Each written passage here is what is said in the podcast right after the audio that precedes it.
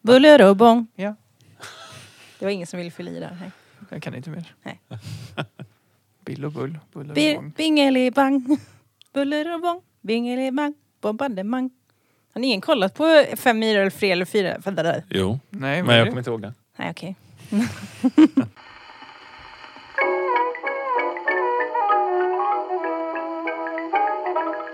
God dag allmänheten! Ni lyssnar på Bibblan svarar, en podcast som görs av biblioteken i Uddevalla i samarbete med den nationella svarstjänsten Bibblan svarar.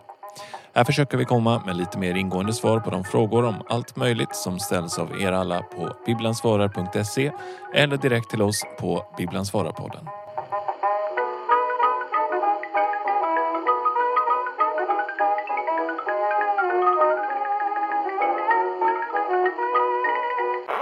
Välkomna till Bibblan svarar-podden. Jag heter Tobias Nordberg och jag har med mig mina kollegor Anton Joling Hej hej. och Andrea Haglund. Tjaba tjena. Vad ska vi prata om idag?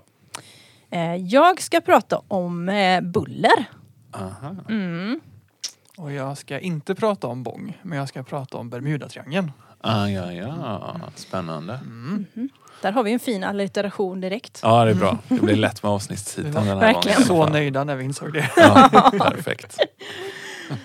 Ja, Ja, ja, det. är väl inte mycket att prata om. Vi kör igång va? jajamän.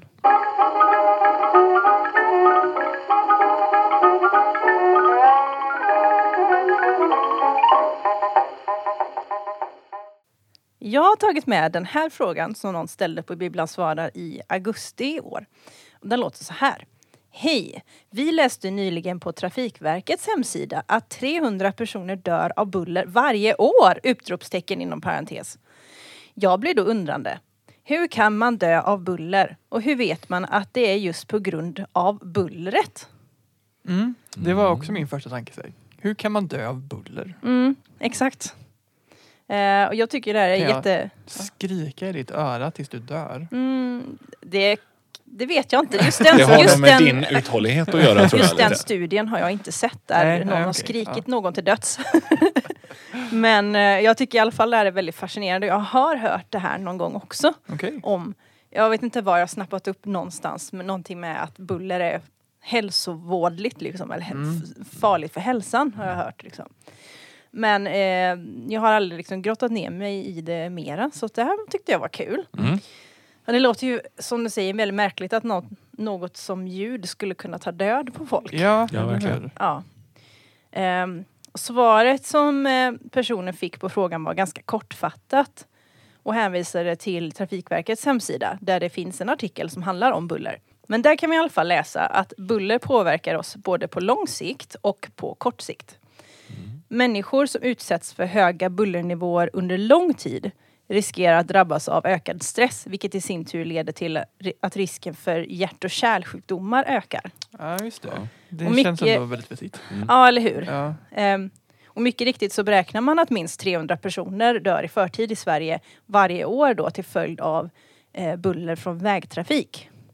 Så det här är är ganska det- specifikt eh, riktat just på vägtrafik då. Ja, just det. Men är det just stressrelaterat då? Att det är buller som ger stress som leder Mm. till... Ja, okej.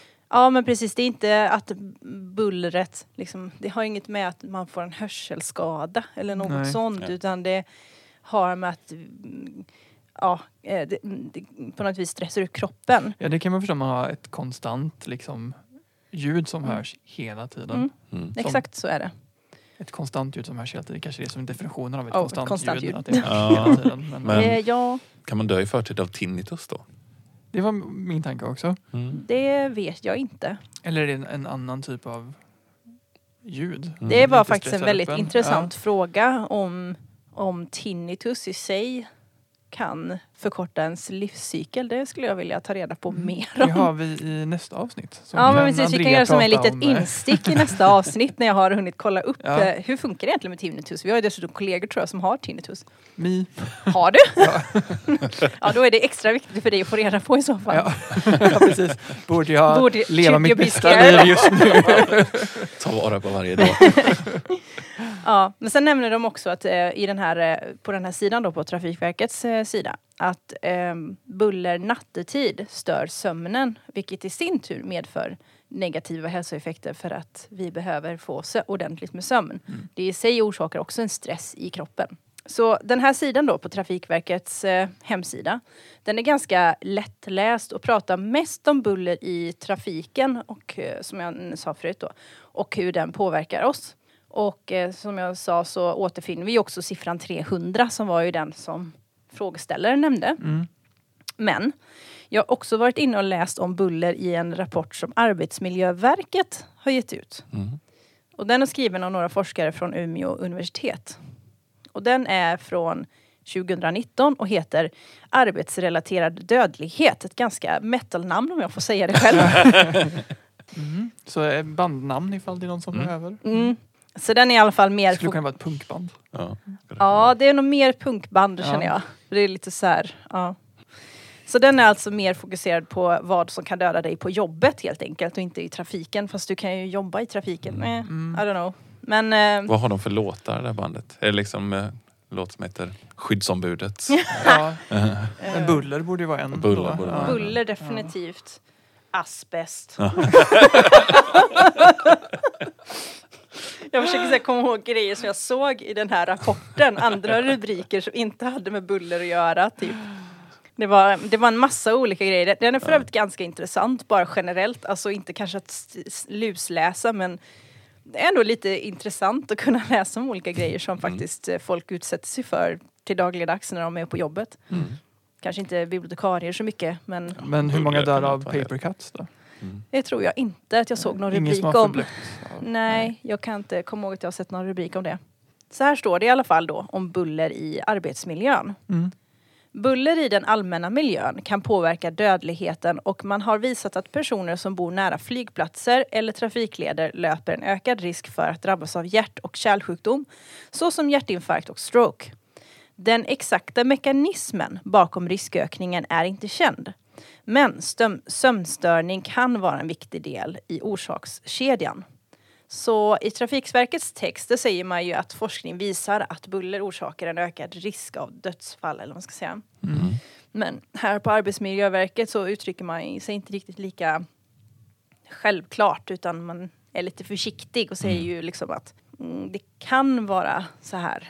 Eh, De säger också att det finns stöd för att hörselskadande buller i arbetet också kan öka risken för till exempel hjärtinfarkt och stroke. Man menar dock att kunskapen är otillräcklig för att klarlägga sambandet mellan storleken på risken och nivåer och doser av buller. Okej, ja. Mm, eh, ja, man kan väl egentligen säga då att det är... Det, som, du, som du frågade förut, hur vet man att en person har dött på grund av buller? Mm. Och det är ju ganska svårt Mm. att bevisa. Ja, alltså det är ju det det, som är lite issue, att studier visar att man kan se ett samband mellan folk som upplever stress på Mm. grund av konstant ljud vid en viss nivå Mm. och hjärtproblem. Mm. Och i, i senare, alltså i nästa Död. led död. Ja, Men det är Men det lite är väl- invecklat och lite så här, eh, man vågar inte säga 100 procent.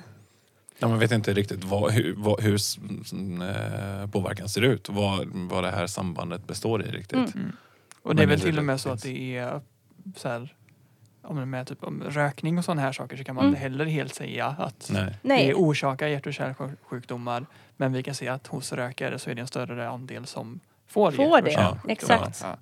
så då blir det liksom i förlängningen, när det finns tillräckligt många studier som visar på de här sambanden så blir det till slut att man säger rökning dödar, typ. Ja. Eller buller dödar. Mm. För att Ja men det, det är väldigt mycket pekar åt det Mm. hållet. Men det är ändå, man, just i alla fall här från Arbetsmiljöverket vill man inte sätta liksom Man är lite försiktigare. Man är lite försiktig. Ja.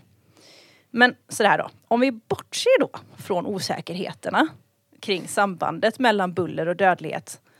Om vi liksom bara lägger undan den lilla osäkerheten lite grann så Mm. har man ju ändå tagit fram statistik på arbetsrelaterade dödsfall där man kan se en koppling till just buller. Så om vi utgår från att buller, vilket man här räknar som över 75 decibel, faktiskt kan öka risken för dödsfall på arbetet så kan det vara så att nästan 800 personer per år Oj, eh, dör i, till följd av buller om man säger. ja, det var lite mer än de här 300. Det är några fler. Ja. Och sen vet jag inte hur man ska hantera de siffrorna i förhållande till de 300. Är det 800 Nej. plus 300?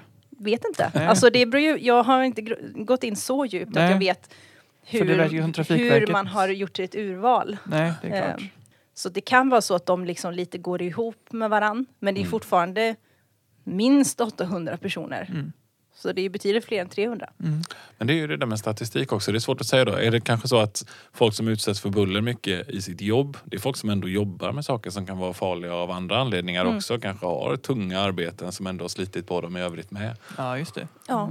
Men jag har också kollat lite noggrannare på det här med vad är det med buller som är farligt för hälsan. Eh, lite mer. Och jag har ju redan berättat om att det finns forskning som tyder på att buller kan ge ökad stress som sen kan leda till ökad risk för hjärtproblem. Och jag läste i en annan rapport som EEA, som är European Environment Agency, har gett ut som heter Environmental Noise in Europe 2020. Eller 2020 då. I den kan man läsa att hur störigt buller och ljud påverkar oss beror förstås på en mängd olika faktorer. Som till exempel vad du försöker göra när ljudet stör, om du försöker koncentrera dig eller du är avslappnad. Hur känslig man är och liksom, alltså, vad man förväntar sig av miljön man vistas i. Bara dagsform också tänker jag. Ibland känns det Ja. man är väldigt känslig för ljud Visst. och ibland så är det inga problem Kanske den är att man kanske är trött. Liksom. Det kanske är sent på dagen och så bara, åh, jag vill bara ha lugn och ro. Och så är det något så här jättestörigt konstant ljud. Men eh, man menar att det farliga med buller är när man utsätts för vissa nivåer under lång tid. Så det här är inte liksom, ja man kommer hem från jobbet då och något störigt en stund. Utan det är varje dag, hela dagen liksom. Mm. Ja, men typ som om man jobbar bredvid någonstans där de håller på och river upp eh, asfalten Mm. utanför eller någonting Mm. i en vecka. Eller som om man spelar in podd precis intill en gympasal där det dånar hög musik hela tiden. Ja. Precis. Eller som jag gjorde, bodde bredvid eh, en motorväg eller motortrafikled Mm. som var tungt tra- trafikerad. Mm. Mm.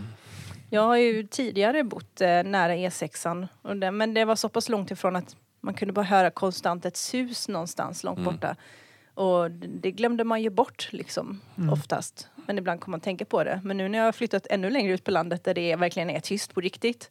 Då är det ju jätteskönt tycker jag. Ja, gud ja. Det är, sen jag har flyttat också väldigt stor skillnad. Ja, ja. Men detta i sin tur då, alltså det här med att utsättas för nivåer under de här eh, bullernivåerna under lång tid ökar då psykologisk och känslomässig stress samt sömnsvårigheter, vilket vi ju redan har pratat om. Vilket sen påverkar hjärta och blodomloppet negativt. Eh, och detta är de allvarligaste effekterna men det finns ju en hel radda med andra negativa effekter som buller har på oss människor som kanske inte är livshotande men som ändå påverkar vår livskvalitet negativt. De vanligaste effekterna på vår hälsa förutom det för, ovannämnda är att man känner sig irriterad, stressad, allmänt så här störd i sin vardag, att man inte kan koncentrera sig eller komma till ro. Man har sömnsvårigheter och inlärningsproblem som man kan se hos barn och unga. Mm finns faktiskt tendenser, inte kanske en jätteprocent men och WHO, alltså Världshälsoorganisationen, Mm. de har tagit fram riktlinjer när det kommer till att skapa ljudmiljöer i samhället som är bättre för oss. Mhm. Och i en rapport från 2018 presenteras dels dessa riktlinjer men också intressant data kring hur många som beräknas dö i Europa till följd av buller. Håll i hatten! Ja just det, för de siffrorna du sa tidigare, det var Sverige. Det var då, ja. Sverige. Det. Nu pratar vi ännu större, nu pratar vi Europa. Just det, för Sverige ligger i Europa. Ja. Ja Så Anton! Sverige är lite mindre. Och så Och Europa är lite större. Och så är det världen. Ja. Och så är det världen, Europa, Sverige, eh, Bohuslän. Oj, oj, okej. Uddevalla, Källdal. Det beräknas att cirka 48 000 nya fall av ischemisk hjärtsjukdom eh, det var tvungen att googla upp vad Ja, är det? Bra, hjärtsjukdom är. Ja. Eh, Det eh, heter på svenska också kranskärlssjukdom. Okej. och det innebär att blodförsörjningen i, till hjärtmuskeln är otillräcklig. Så nu börjar vi komma in på vad är det rent fysiologiskt som händer egentligen? Ja, det. när, vad är det som händer med hjärtat? Mm. För det har vi inte riktigt berört än, vad egentligen det är som händer när man blir stressad. Och det är helt enkelt att blodförsörjningen till hjärtat blir för dålig. Så hjärtat självdör till slut. ja, trevligt. Eh, men i alla fall, På grund av 48, ljud. vad sa du? På grund av ljud. Mm, kan vara så. Ja, men Mm. det... Eh, men i alla fall, 48 000 nya fall av kemisk hjärtsjukdom eh, eh, inträffar varje år i Europa på grund av buller över 55 decibel. Och dessutom beräknas 12 000 personer dö en för tidig död i detsamma. Så det är inte alla som har kemisk hjärtsjukdom som dör då. Utan det är alltså mer 12 000 personer varje år i Europa som dör Mm. på grund av buller. För övrigt så beräknas också i Europa 22 miljoner människor vara väldigt Alltså i, på engelska stod det annoyed, Mm. vilket är så här irriterade. Men alltså att man är Störd. störd. Ja. Alltså, man blir liksom, kan inte slappna av Mm. På grund av buller. Då. Och 6,5 miljoner människor lider av sömnbrist av detsamma och cirka 12 500 barn i åldern 7 till 17 år har läs och skrivsvårigheter på grund av buller. Mhm. Så det är ändå en del. Sen klart det bor många människor i Europa så det kanske inte är så mycket. Procentuellt sett. Nej, Nej. är det ju inte. Har du Men hittat någonting ändå. om... Ja. Ja, har du hittat någonting om... Alltså, för det kan ju vara, du kan ju ha ljud runt hela tiden som du inte upplever som störande Mm. egentligen. Påverkar det en ändå? Så att jag har jättefin musik i bakgrunden. Jag tycker om att ha det. Men blir, är det ändå en stress för tror- kroppen så att det påverkar den negativt då? Nej, det har jag inte hittat. Det kan jag inte påstå. Sen tror jag att gillar man musiken man lyssnar på. Alltså så här, jag vet ju, pratar ju med personer ibland jobbet som berättar att ah, jag lyssnar på hårdrock, jag känner mig så avslappnad, jag fattar Mm. ingenting hur det är möjligt. Mhm. Men kanske är det så, för jag, Mm. när jag lyssnar på pianomusik så blir jag jätteavslappnad. Mm. Och det tror jag verkligen inte är stressframkallande, även om det är också ett ljud. Mm. Utan, men då har man ju valt det själv. Ja, det för det kanske är För man skillnad tycker på det är angenämt. buller och ljud bara. Då. Mm, Ja, precis. och det är väl också det att det inte är bullret i sig utan det är stressen som är farlig. Ja, Mm. precis. Det kanske är någon som blir jätteavslappnad av att få höra ljudet av en motorväg. Ja. Det är lite som white noise faktiskt. Det är också lite intressant. Mm. Fast det låter oftast inte som en motorväg utan mer som ett hav eller någonting. Mm. Men det är också ett konstant brus. Mm. Fast det här känns också som det är liksom ett konstant Ja, i samma läge. Det är trafik så ändrar det ju liksom. Så Mm. kommer det en stor lastbil Det är så, blir och så är det ja nej grejer. så är det ju. Men jag ska också tillägga att man säger också i EEAs rapport att dessa siffror kan vara ännu högre. Då eh, ny forskning visar att hälsa och välmående kan påverkas negativt av lägre ljudnivåer än 55 decibel. Men vad, för att få en feeling då, hur mycket är 55 Precis. Decibel? Ja, det var tack. precis det jag tänkte att jag kände det också vid det här laget när jag satt med min efterforskning att nej men nu behöver jag ha någonting som förklarar vad är det här i, i ljudnivå egentligen. Ja, precis. Och vi har pratat om 75 decibel tidigare som jag tror var, eh, som var Arbetsmiljöverkets eh, rapports mätmärke för för högt ljud eller vad man ska Mm. säga. Också 55 decibel som EAs rapport. Då är det så här då, 55 decibel Mm. motsvarar faktiskt inte så mycket som jag trodde. Eh, det är ungefär så högt som lätt regn eller ett kylskåps hummande på en What? meters avstånd. Okej. Det är inte så mycket. Nej. Och så är det redan där Liksom, skadligt lite- typ. Mm. Ja, om det är konstant under en längre tid. det är klart det är, mitt kylskåp är ju igång konstant. Ja. Ja, sen Så kanske du inte, en sen kanske inte du sitter den. en Nej, meter ifrån sant. kylskåpet hela dagen. Det har du rätt i. Nej, Så det är vara, det. Alltså bara ventilation eller någonting kan ju Ja. låta så mycket. Så att det, Jajamän. Det är klart. Så det är inte så mycket faktiskt. Och 75 decibel ligger mellan ljudet av normal gatutrafik och en motorcykel. Så det är ganska mycket högre. Normal gatutrafik. Eller Ja, jag hittade ju en sån här mätsticka som hade liksom olika Mm. nivåer, olika exempel på ljud. Eh, och då var det, Men är det normal trafik när man står bredvid den eller när man är inne och hör den? tror de det susa står på trottoar på en vanlig gata inne i centrum. Ja, okej. Mm. Så det är lite så här, ja, susar och brusar och brummar och hummar. Liksom. En motorcykel låter ju ganska, my- eh, Jag ganska mycket mer. Jag tänkte Jag tror- det var väldigt skillnad på Ja. eh, vanlig fordons eller Mm. trafik och sen så en motorcykel som i min värld låter väldigt mycket Mm, högre. mm, precis, jag tror att ehm, normal gatutrafik låg på 70 decibel och motorcykel låg på 80. Och det här är 75 okej. så det ligger liksom lite, lite mittemellan. Lite intensivare trafik kan vi säga. Ja. Mm. Men som sagt, det är på lång sikt som skador och på hälsan är tydligast i forskningen. Ja. Så vad är summan av kardemumman? Ja, det verkar ju som att buller bidrar till väl över 300 personers eh, död varje år, till och med 800 personer i Sverige då, Mm. per år. Mm. Eh, och det kan ju till och med vara ännu fler. Så min rekommendation blir väl att flytta ut på landet och skaffa en tyst kyl. Mm. Ungefär. Ja. Men om det funkar med fina ljud så kan man ju bara sätta på den här podden till exempel och lyssna på den. För vi pratar ju ganska lugnt och försiktigt. Mm. Nej, nej, nej, inte så då. Wanna hear the most annoying sound in the world?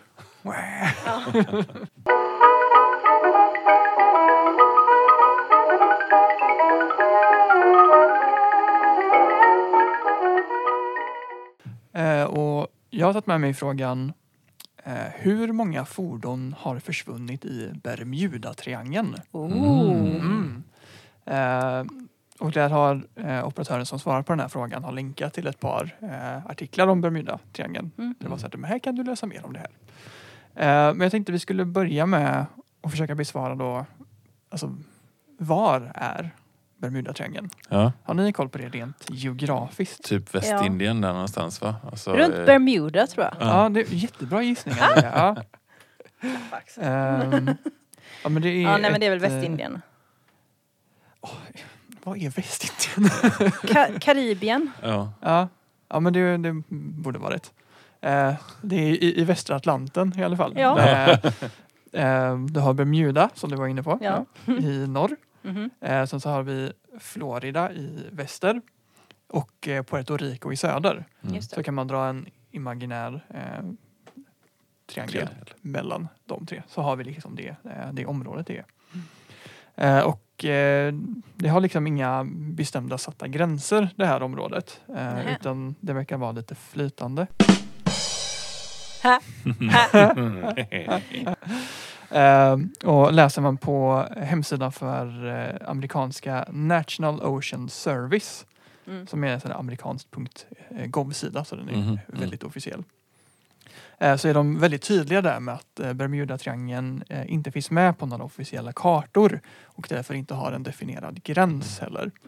Eh, Och så fortsätter de med att påpeka att de inte recognisar eh, Bermudatriangeln som ett officiellt namn och att de inte har en official file på det området. Mhm. Mm, vilket jag så här, det är precis det man skriver ifall man har det. Ja, det är så. Det, bara, nu kommer alla tro att det är så. ja. Jag tror dem inte. Ja, men det kan väl hända att de får in liksom 3000 frågor varje dag om det så de vill väl säga det på en gång att det har vi inte. Precis. Är det ungefär samma som, vad heter det, Area 51. 51 Ja. ja. Mm. Nej, vi har ingenting på det. Sluta fråga oss. Nej men de har ju antagligen fått så många frågor så att liksom på den här väldigt seriösa då, National Ocean Ja. Service har Mm. en, det var liksom en hel sida bara så här What is the Bermuda Triangle? Typ. Där de Ja. skrev bara massa fakta om att så här, typ, nej nej det här är bara hittepå. Ja. Ja. Eh, men i alla fall det är lite då eh, svårdefinierat exakt hur stort det här området är som räknas till eh, Bermudatriangeln. Eh, men jag har sett siffror som säger att det är ett område på runt eh, 700 000 till en miljon kvadratkilometer Oj, oj, oj. eh, som då sträcker sig eh, över Atlanten. Så där har vi då, var är Bermudatriangeln? Mm. Mm. Eh, så om vi går tillbaka till frågan här då. Eh, hur många fordon har försvunnit i Bermudatriangeln? Eh, och läser då definitionen av fordon så kan vi läsa att det är en anordning på hjul, band, medar eller liknande som är inrättad för färd på marken och Jaha. inte löper på skenor. Ja. Eh, och eftersom eh, man med Bermudatriangeln då menar ett område i Atlanten Mm. inte Jag börjar bli rädd nu att den här, svaret på den här frågan kan bli lite för kort Anton. Men, Nej då. eh, där det inte finns någon mark att köra på liksom, på grund av hav. Ja, Eh, så kan vi då anta att det inte är några fordon som har försvunnit i Bermudatriangeln. Så noll. Ja. Tack ja, det var det för idag. Nej. Welcome to my TED-talk. Eh, ja, nej. Eh, vi kan gissa att frågeställaren menar eh, farkoster här då som även Mm. innefattar eh, flygplan och Ja. eh, fartyg. Känns rimligt. Ja. Eh, och varför man frågat den här frågan? Man kan ju anta att det har någonting med myten om eh, Bermudatriangeln. Mm. Eh, det sägs liksom att redan Kristoffer Columbus 1492 märkte konstiga saker när han seglade igenom det här eh, området. Mm. Han ska ha sett ett eh, eldklot komma från himlen och slå ner i vattnet. Okej. Och så ska hans eh, sjökompass ha slutat fungera. Mm. Eh, och eh, 1918 så försvann det stora fraktskeppet USS Cyclops i området. Eh, de hade åkt från Brasilien via Barbados eh, för att här, fylla på lagren och sedan åka hem till eh, Baltimore. Och den sista färden där då skulle ta nio dagar. Och det sista meddelandet som man hörde från USS Cyclops löd eh, Weather fair, all well. Hmm. Så väldigt bra, allt är bra. Eh, Mm. Och sen så varken såg eller hörde man ifrån eh, dem igen. Mm. Ja. Creepy! De eh, försvann helt spårlöst och de, det var inget så här, skepp som var i närheten som fick något SOS-meddelande eller någonting sånt Okej. där utan det verkligen bara försvann. De har inte hittat några vrakdelar och ingenting sånt som Mm. har flyttit omkring. Ehm, men det som verkligen då satte igång eh, myterna med Bermuda-triangeln var det som hände med Flight 19. Mm. Är det någonting ni känner igen? Nej. Jag vet att flygplan har försvunnit Ja. men eh, jag vet inte om det är just det flygplanet jag har hört om någon gång. Nej. Nej, det här När var är detta? ehm, eh, 5 december 1945. Mm. Och det är fem bombplan med sammanlagt 14 personer som eh, lyfte från Fort Lauderdale i Florida Mm. eh, och skulle göra ett träningsuppdrag. Eh, och de var ledda av en flyginstruktör som heter Charles Taylor. Eh, så de skulle flyga österut från Floridas kust, eh, övningsbomba på ett ställe, eh, ändra riktning norrut och fortsätta över Bahamas och sedan flyga tillbaka till Fort Lauderdale. Eh, Men någonstans efter den här övningsbombningen så var det någonting som gick fel. Eh, Fort Lauderdale fick eh, meddelande från den här Taylor då som var flyginstruktör. Mm. Som sa att de var ur kurs och inte kunde se land någonstans. Mm. Och han var helt övertygad då att båda kompasserna på hans ehm, flygplan hade slutat fungera. Mm. Ehm, och att de hade åkt liksom åt helt, helt fel håll. Så han trodde liksom att de var över Mexikanska gulfen som ligger västerut Mm. blir det.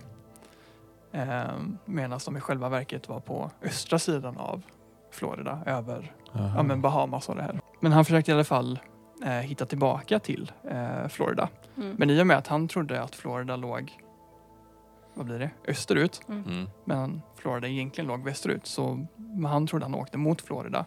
Så flög han bara längre och längre ut över Atlanten och där det Mm. liksom finns Ingenting. inget land och ingenting att navigera efter. Nej. Eh, och eh, de här radiosändningarna ifrån eh, flygplanet blev bara sämre och sämre. Och eh, något av det sista man hörde var att Taylor då förberedde de här planen för en eh, kraschlandning i havet. Och sen så hörs bara liksom static Mm. från eh, radiorna. Alla planen. Alla plan. Hur många sa du att de var? De var fem stycken bombplan. Fem plan Så jag, min, vad jag har förstått ifrån då så är Taylor flyger ett plan och är liksom Ja. ledare för Ja. den här Mm. övningen. Så alla andra bara tar rygg på honom. Mm. Eh, och eh, när han säger då att nu ska köra österut så följer de andra efter. Och så var det någonting att eh, ja, men, när det första planet får eh, går under 10 gallon eh, drivmedel Ja. kvar då går vi alla ner och försöker att Okej. landa. Och Ja, det okej. var liksom det sista man hörde ifrån dem. Och självklart då så skickade eh, Fort Lauderdale ut en eh, räddningsoperation Mm. eh, för att leta efter de här försvunna planen. Och då var det så att även ett av de här planen, räddningsplanen, försvann Aha. med eh, 13 passagerare. Oj. Och under fem dagar efter de här incidenten så letade runt 300 båtar och plan efter både Flight 19 då Mm. och det här räddningsplanet Mhm. och hittade absolut ingenting. Men det kan man verkligen förstå att det är en, en grund för konspirationsteorier. Eller hur? Ja, Ja. mel- väldigt märkligt. Med att det är liksom två stycken under så kort tid Ja. som verkligen satte igång det. Sen under 50 och eh, 60-talet så var det också en eh, ufo-boom i Mm. eh, USA. Eh, så det kom väldigt mycket tidningsartiklar både om ufon och sånt men också om då Bermudatriangeln och Mm. eh, de här försvinnandena. Mm. Eh, och det blev vanligare och vanligare att sådana här berättelser syntes eh, lite överallt och Mm. Då myten fick ett eget liv. Om, eh, eller myten om Bermudatriangeln fick ett Mm. eget liv. Och 1974 så kom det en eh, bästsäljande bok som heter The Bermuda Triangle av en Charles F. Berlitz. Eh, och i den boken så tar Berlitz upp liksom de båtar, skepp och flygplan som har försvunnit i Bermudatriangeln eh, och diskuterar lite olika förklaringar till de här försvinnandena. Både eh, naturliga och övernaturliga. Eh, och den boken har sålts i runt 20 miljoner exemplar och översatts till runt 30 språk. Så det var också en sån som Mm. verkligen bara bredde på eh, berättelsen om Bermuda. Mm. Eh, nej men det är lite kul för då var det en eh, bibliotekarie faktiskt Jaha. som hade så här, ja, men, både läst alla de här tidningsartiklarna om Bermudatriangeln och även den här eh, boken då. Mm. Eh, och den här bibliotekarien tänkte antagligen bara Nope, fuck this. Så han liksom börjar höra av sig och faktakolla alla påståenden om eh, Bermudatriangeln. Mm. Eh, Jag och, gillar den här bibliotekarien. ja, Hade jag också gjort. Nej. eh, om, om jag förstod det rätt då så hade han så här, men, eh, börjat få, han jobbade på ett universitetsbibliotek Mm. och så har han börjat få massa studenter då, som har kommit och frågat Ja. massa om eh, Bermudatriangeln. Ja, Så då hade han samlat ihop som en, en bibli- bibliografi om allting som hade med Bermudatriangeln att göra och sen Mm. bara kunde, ja här, läs på. Eh, och till slut då så var det något förlag som hörde av sig och bad den här bibban och då så frågade han sig, ja, men jag kanske kan skriva en bok om det här. Mhm. Men eh, han kom i alla fall fram till det att eh, till de här eh, de försvinnanden där det faktiskt finns trovärdig information att utgå ifrån Mm. så kan de förklaras med naturliga fenomen eller mänskligt felande. Ja. Eller så var det också, eller det var också många försvinnanden i den här eh, boken, eh, The, The Bermuda Triangle, där försvinnandena inte ens hade skett inom Ja, Bermudatriangeln. precis. Utan det bara att oh, men det här låter mystiskt och spännande. Vi Det säger är att det, typ i det området. vi säger att Ja. den hände där. Ja. Ehm, men han gav ut den här boken, The Bermuda Triangle Mystery Solved. Ja. Och där han lägger fram då sina argument Ja. eh, till eh, varför det bara är hittepå. Det känns ju lite som en glädjedödare på sätt och vis för man kan väl låta sådana där mysterier få vara men samtidigt förstår jag om man har fått massa frågor om det. Ja, Mm. jag kan följa med, eller jag kan hålla med. Liksom. Det är, jag vill ju väldigt gärna tro på sådana här saker så det Ja. är kul om man kan bara få fantasin. ja, det är ju kul med behöver liksom konspirationsteorier och Ja. tänka att det finns övernaturliga grejer som inte går att förklara. Så är det någon som bara, jo, Ja. förklarat. Ja. Och de bara, Man behöver liksom Ja, inte fatta några livsavgörande beslut baserat på det. Man kan väl bara få gå och tänka att det är så ändå. Precis. Eh, men det finns ju då lite olika förklaringsmodeller eh, till varför skepp och grejer har försvunnit. Är det någon konspirationsteori ni har eh, hört? Jag kan säga Atlantis är ju en av dem. Att, Okej. ja, Ja. den, tror jag inte. Atlantis Jag, låg där och så har den sjunkit ner till botten och så har de energikristaller som eh, drev hela staden Atlantis. Och på något vis är det de som eh, drar ner eh, skepp Mm. och flygplan.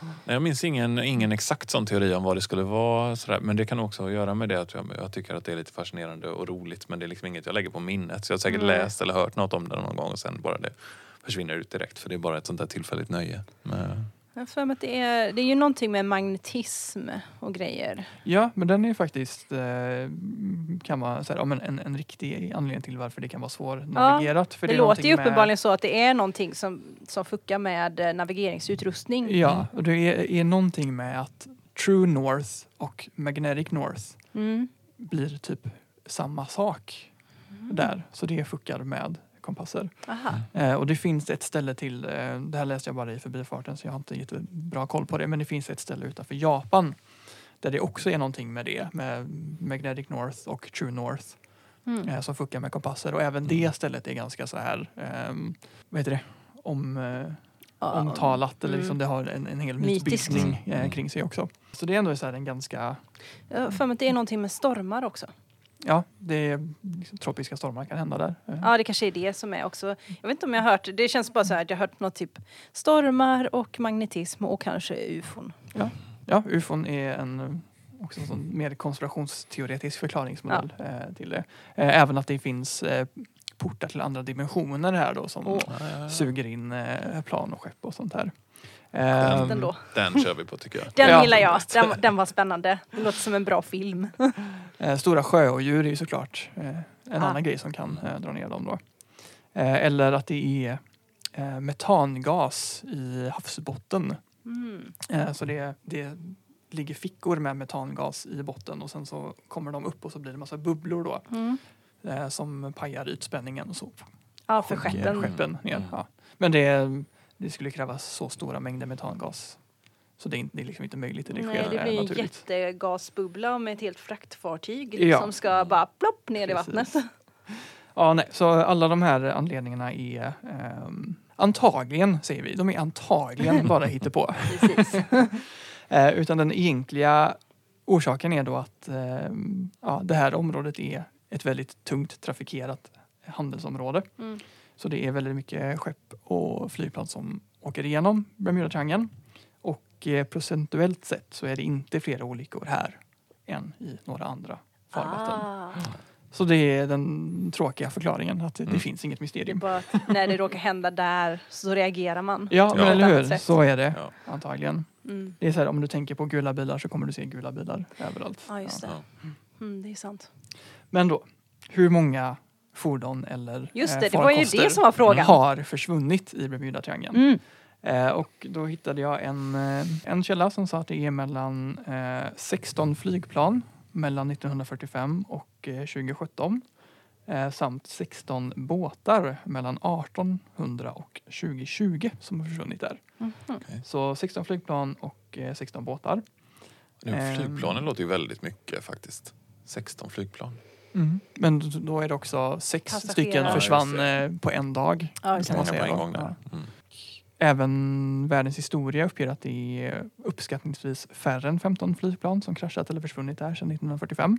Mm. Eh, Men sen så är det en då som sticker ut lite grann och det är eh, en religionshistoriker som heter Philip de Croy som blev intervjuad av UR Mhm. där de försökte då ta reda på eller spräcka myten om eh, Bermudatriangeln. Mm. Eh, Men han uppger att det är runt 75 flygplan och över 2000 skepp som har Va? försvunnit där.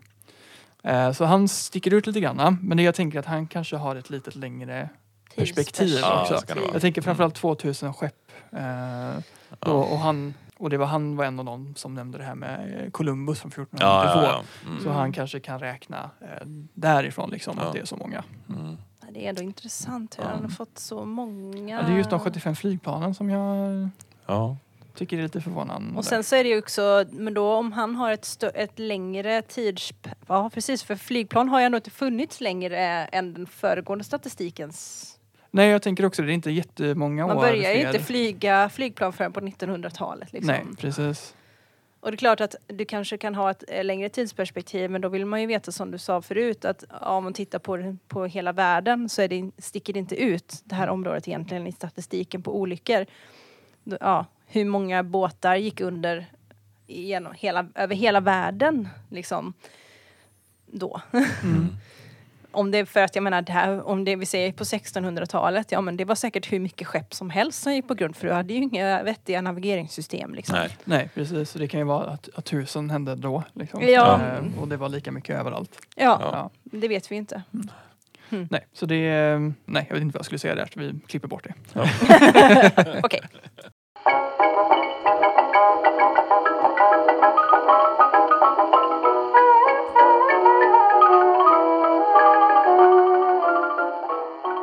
Ja, då var vi färdiga för idag. Vad har vi pratat om och vad har vi lärt oss, Andrea?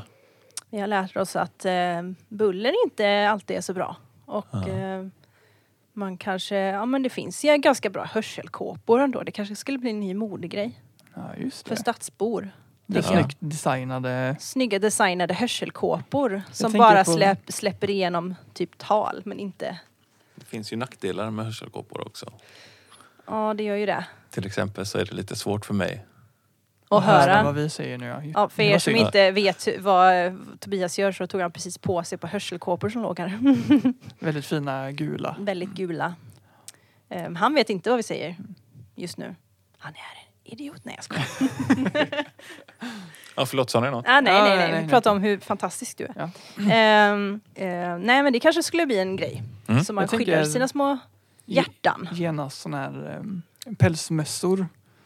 Där det går ner lite grann Ja. över öronen och så är det bara inbyggt även hörselkåpor i dem. Just det. Ja. Ja men vi har ju en, eh, nu får vi sluta prata om det här för jag känner att vi har någon slags företagsidé på gång så vi måste trademarka. Patent pending. ja. Anton kanske får berätta vad vi har lärt oss av honom idag först. Ja, eh, vi har ju då lärt oss att eh, Bermudatriangeln är lite tråkigare eh, än vad man kanske tror. Kanske. Ja, kanske ja. ja. Vi skulle inte släppt in dig här överhuvudtaget. Vi skulle nöjt oss där vid den här pälsmössan. Ja. Eh, nej men eh, att Bermudatriangeln, eh, det, det sker mycket olyckor men eh, procent, procentuellt sett så är det inte mer än någon annanstans. Nej. Eh, och att bibliotekarier kanske inte alltid är så roliga att ha med på fest. För de bara sabbar all stämning med massa fakta och grejer. Ja. Precis. ja, men vi är väldigt bra på quiz. Ja, det är vi. Säger jag. Överlag. Ja, överlag, överlag så tror jag att biblioteka- bibliotekarier är bra på quiz. Är det organiserade aktiviteter då jävlar Ja, är vi bra. Men är är det det bara bra. mingla runt? Nej. Nej, nej, nej. Det Sociala? Nej, nej. Nej, det verkar jobbigt. ja, så är Ja. det i alla fall. Nu måste vi gå och sätta oss i varsitt hörn för oss själva. Det låter bra. Tack för idag. Tack och Hej. hej! Ja, det var allt vi hade att bjuda på idag. Källor till det vi har pratat om nu, det hittar du i avsnittsbeskrivningen. Har du också en fråga om precis vad som helst? I så fall får du gärna ställa den på Facebook-sidan Bibeln svarar-podden så vi kan ta upp den i framtida avsnitt. Vill du vara helt säker på att få ett svar på din fråga kan du gå in på biblansvarar.se och ställa den där. Om du gör det så kommer du få ett väl underbyggt svar och kanske kommer vi så småningom att utveckla svaret i podden. Du har lyssnat på Bibblan svarar, en podcast som görs av biblioteken i Uddevalla i samarbete med den nationella svarstjänsten Bibblan svarar.